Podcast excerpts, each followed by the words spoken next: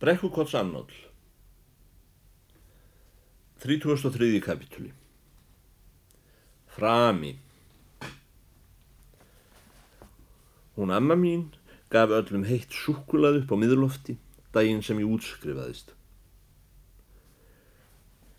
Það var eitt af þessum þykku, feitu, sætu, miklu súkulöðum sem aldrei verða fram á sóðin. Kanelvörkur úti. Kaldar pönnukökur upp úr sigur pekli til meðalætis. Það var mikil stund að fá að drekka súkulaði í félagskap þessara manna sem táknuðu þrið heimsins og ég lánsamur að hafa orðið um samnáta. En eins og um árið, þegar afi byrsti mér þá ætlun sína að setja mig til skóla, var ég aftur orðin döður og dálítið eins og kvíðinn.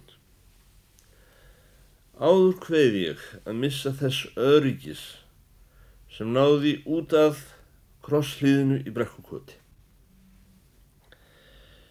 Nú hveið ég fyrir nýju leiðum sem enn voru ófundnar og hlutu að taka við um leið og ég veri hættur að ganga þessa tróðunu slóð upp í skóla á mótnana í hálfringum tjörnina og heim aftur þegar leið á daginn. Hvert átti ég nú að ganga alla þá morgna sem ég vaknaði eftir þetta? Og hvað ertu nú að hugsa um að verða vínur, saði eftirlitsmaðurinn. Aldrei þessu vant hafi hann leift sér að skrópa eins og hálf tíma úr eftirlitinu til að geta tekið þátt í þessu góða súkulaði. Ég mun hafi verið nokkuð sent til svars. Aldrei hefur mér nú dottið í hug minnaði síslumans embætti handur málfgrími, saði kæftin Hóinsson. Þú veit blessa barnið ekki hvað það var að verða, saði Rúnur Jónsson. Ekki held ég þurft að gera því á fætuna. En hann sagði ekki hvað ég ætti að verða að minnstakost ekki það sinn, hefur eftir tilvill ekki geta komið í fyrir sig í bíli hvað ennbættið er kallað. En ég vissi vel að óðarann fengi sér herskip, þá myndi hann muna hvað ég átt að verða. Ég vissi að undir niðri myndi hann ekki láta sér linda neitt smærra fyrir mína hönd en læra til konferensráðs og ætla að vera ekki grásleppan, saði ég, bæði í gamni og alvöru, því það var alveg sama hvað ég læriði miklar latínubeyingar. Ég gæti aldrei hægt að setja hér sagðan fisk ofar öðrum fiski um suðu neðs. Æja, æja, saði afi minn, ekki alveg laus við grettu. Ó, ekki. Með öðrum orðum, honum líkaði ekki svarið. Kanski hann Björn hafi heldur ætlað þér Þorskinn, saði eftirlitsmaðurinn. Hrottjálsinn, saði afi minn, er ekki nema stundar gleði á vorin. Þó að hýrni yfir mörgum þegar þau fara að glæðast. Sum árin bregðast þau með öllu og nú var Gunnúsens búð og þeir komnir með stórskip sem í einu kasti innbyrða 10-20 farma bátsins míns og þar með er ég og mínir líkar útdauðir hér í buktinni. Hann Runur þarna Jónsson er eftir á móti til frásagnar um hvernig sé að draga þosk hjá hann Guðmúsen. Þess vegna stingi upp á því dengur minn að þú læri til press. Það voru einlegt verið nýtur atvinnuvegur á Íslandi. Það sem þeim er ekki borgað í fiski, það er þeim borgað í smjöri. Ég rak upp stórauðu og nú var ekki trúkt um að mér finnist ekki hann afi minn vera farin að gambra. Eða urðu menn kannski prestar á Íslandi eftir kaldri skinnsemi einhverra afa sem fyrir kenjar trúarbræðasögunar lásu Vídalíns postillu á sunnudögum í staðin fyrir að blóta fugglin kólibrí, tuttan apís eða skúrgóðið ra.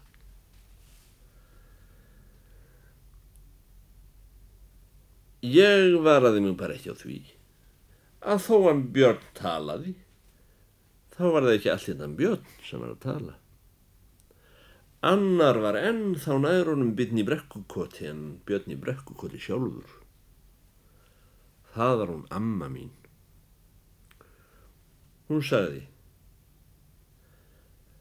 hann Björn hérna langaði alltaf til þess að hann grímur auðmingin fengi af okkur eitthvað sem ekki allir getur tekið af honum hvernig sem væri. Og þeir komu og takaði allt konagóð, sagði Runolf Jónsson. Einn kemur þá annar fyrir og allir á brúnum. Amma mín sagði, sá sem gerir öngum íll sjálfur, það sakar hann ekki hvað aðrir gera. Lærður er í lindi gladur loðber heimsjá þjóðum. Auðæg veru það sem ekki aðrir ná ammanni. Á hillunni minni eru tveir pungar, sagði eftirlitsmaðurinn. Og tíminn heldur áfram að líða í þeim eins og öðru. Reyndar eru báðir tómir, nema hvað í öðrum likur einn gullpenningur og hann átt þú, vinur. Viltu fá hann í dag eða setna? Setna, sagði ég. Um kvöldið þegar ég kom að finna hann að Kristjún í Singjarabænum Þá brá svo við að hún var ekki einn heima, heldur var einhver hjá henni. Ég fann það á loftinu um leiðu ég lauk upp húsinu. Þegar ég lukti hurð frá stöðum, sá ég sitja þar unga konu, prúðbúna og ilmgóða með barðastóran hatt og um, rauða hanska með kögri. Littla fröken Gúðumúsin. Hún var að lesa upp úr bladi fyrir gamlu koninni. Á borðinu millir þeirra voru ávegstur og blóm. Ég samfagnaði þér álfgrimur, saði stúlkan þegar hún sá mig í dýrónum.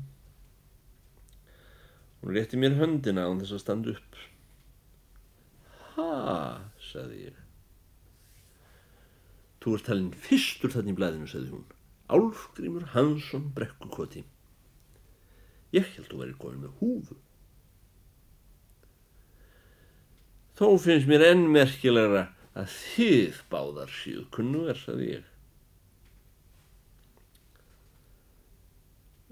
Blessu stúlkan, hún þekkir mig ekki nokkra vitund, en hún kemur samt með abilsínur, sagði gamla konan. Æ, það er svo góð henni líktinn, allt of góð fyrir út af dögt fólk. Hvernig getur móður Garðarsholm talað svona, saði gestkonan. Síðan rétti hún mér þegjandi síðasta tölublaða foldinni sem hún hefði einmitt vel að lesa upp úr þegar ég kom inn. Stóra myndin á Garðari Holm hafði verið tekjum fram einu sinn enn og sett á fremstu síðu. Og greinin sem fylgdi var skrifuð í þessum merkilega fornstíl sem í mínu ungdæmi var vant að hafa á hátíðlegum fréttum í blöðum, til dæmis því sem snerti kongin, eða ef orðið höfðu stóru skipskaðar eða andlát höfðingja borðið höndum. Þau tíðindi hafa borist um haf að Garðar Holm, veraldarsöngmaður, muni koma við land á Íslandi innan skaml. Hinn mikli veraldarmadur hefur snúið hingað för af vallandi en á næslinum vetri jókan mönnum skemmtan mjög með fári kveðandi fyrir sunnan fjall í þeim borgum sem þar verða mestar í parti heimsins hefur hveðand maður verið auðfúsugestur allrar alþýðu í þessum stöðum og svo hinna bestu manna af fursta og stórhöfðingja kyni og jafnvel sjálfs herra Pávans í þeim dísarhöllum og öðrum vildarhúsum þaljum ei drottningar sem í þessum löndum eru fundin hátimbruðst. Það er í almæli haft í Suðurlöndum að þá er herra Pávin hafi kvattan til gardar að syngja fyrir sér í samt í Péturs kirkju, let hans helgidómur svo ummælt að þar ómaði svo rödd er nær í aðraði hinnum öðrum loftum og skín hefði af ljósi góðu. Let Pávin kalla söngmannin fyrir sig og veitti honum eitt sérlegt bjának með pávalegum árnaði til handa öllum Íslendingum. Þetta leðsmál helt svona áfram, þrjá dálka í viðbútt, en mér fannst óþarst að lesa lengra og fekk stúlkun í blæðið. Jésús, saði stúlkun, þykist ofgóður að lesa það sem stendur í blæðinu. Er ekki það satt sem stendur á prenti, hvort heldur ég lesið ekki, sagði ég, eða hvað? Skárn er það, sagði hún. Gerðu það fyrir mig, álfgrimmin minn. Verst ekki svona móntinn, fyrirgefðu ég nefnilega eldra en þú. Ég álít þú verir fullsæmdur af að ganga með stúdantsúfu eins og aðrir stúdendar. Já, og ég er með lesa það sem stendur í blæðinu. Ekki síst þar sem það er um frændaðinn. Meðal annar orða, er það satt að þú ætli líka verða söngvari? Hún segir það, sagði ég. Hún maddama Strúbenhols vinkon okkar sem kennir mér að spila á gítar. Er að fara, sagði ég, og byggði velvillingar eða drublaði. Ég vissi ekki að neitt væri hjá henni Kristínu. Ég hef farið líka, sagði stúlkan og stóð upp og kisti gömlu konuna. Jésús ég með þér, Kristín mín. Ég kem aftur að sjá þau bráðum ef ég má. Álfgrimur, þú fylgir mér honni bæ. Ég þarf að tala við þig. Það varð úr að ég slóst í för með stúlkunni og þegar við vorum komin út á hlaðsteina gæti ég ekki stilt mig um að minna hana á að það væri ekki fyrsta sinn sem ég röldi með henni hérna ofan af hæðinni. Já, Jésús, þann er kofinn, saði hún og benti áttina til gamla út í húsins þar sem við höfum mæst í dýrum einn morgun fyrir ári. Var ég ekki alveg galinn? Jú, saði ég. Já, en þú varst vittlaus líka, saði hún. Þú varst á skónum hans. Síðan sagði hún ekki neitt álitla stund og við gengum ofan eftir stíknum. Lóksins byrjaði hún aftur. Mikið afskaplega er þetta undarleg kona. Hvaða kona, spurði ég. Hún móður hans. Þetta er í þriðja sinn sem ég kem til hennar með blóm og ég er alveg jafnaður. Ég vissum að ekki nokkur lifandi maður veit hvað þessi kona hugsar. Hún hefur ekki einu sinni heyrt svon sinn syngja. Akkur þetta skipta þér af henni, saði ég. Hefur þú heyrt hann syngja, spurði stúlkan. Nei, saði ég. Reyndu einu sinna að vera einlægur og segja mér satt, saði hún, þú sem hefur vit á söng. Talaðu? Ég hef heyrt þann söng sem er á Íslandi, saði ég. Fiskifluguna, heil og hálf sumlinn og svolítið týst í fugglum á milli. Og stundum á haustin gargið í áltinni sem er kallað svanasöngur í dönskum rómunum. Síðan auðvitað öskriði fyllir öftunum þegar skúturnar eru inni. Og allt eins og blómstrið eina hér í garðinum.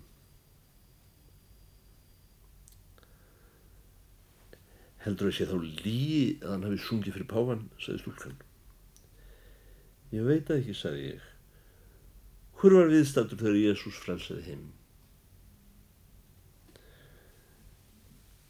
Hvaðan ætti þó að geta játað að neyta því hvort sonurinn sé giftur, sagði stúlkan.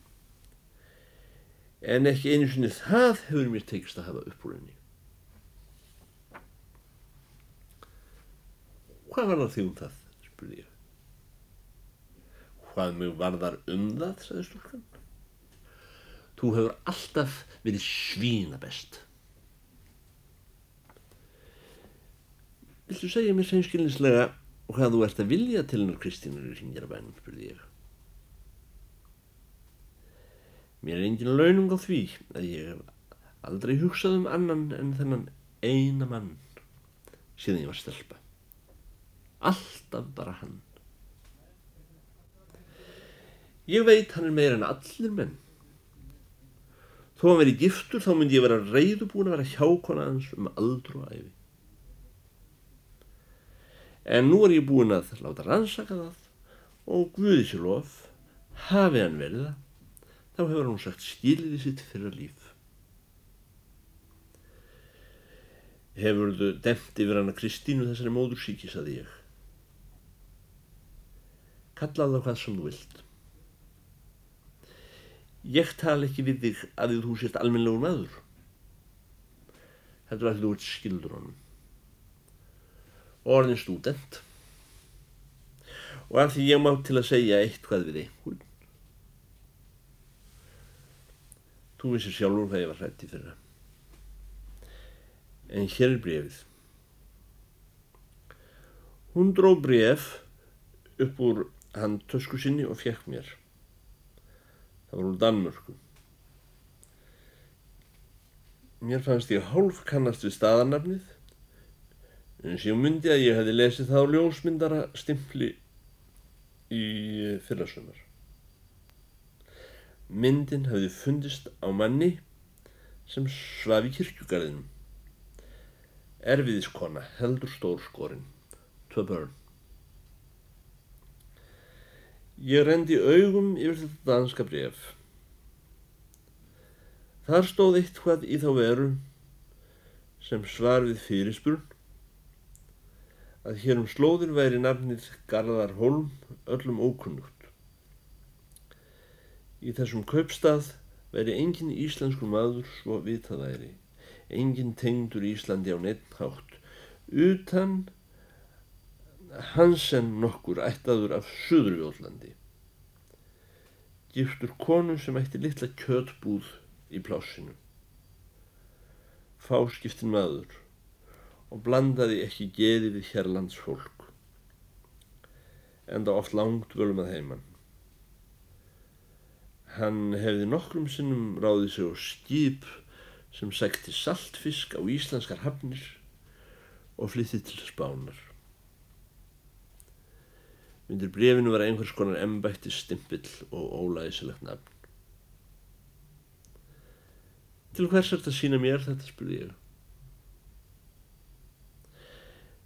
Til þess þú sjáir að það var bara ímyndun eða miskilningur. Veist ekki að bráðum er hann að koma?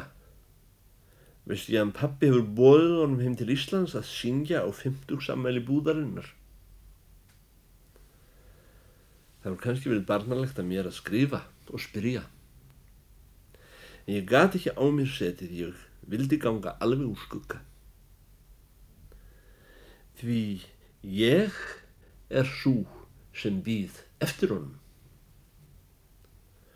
Og hann hefur skriðað mér aftur.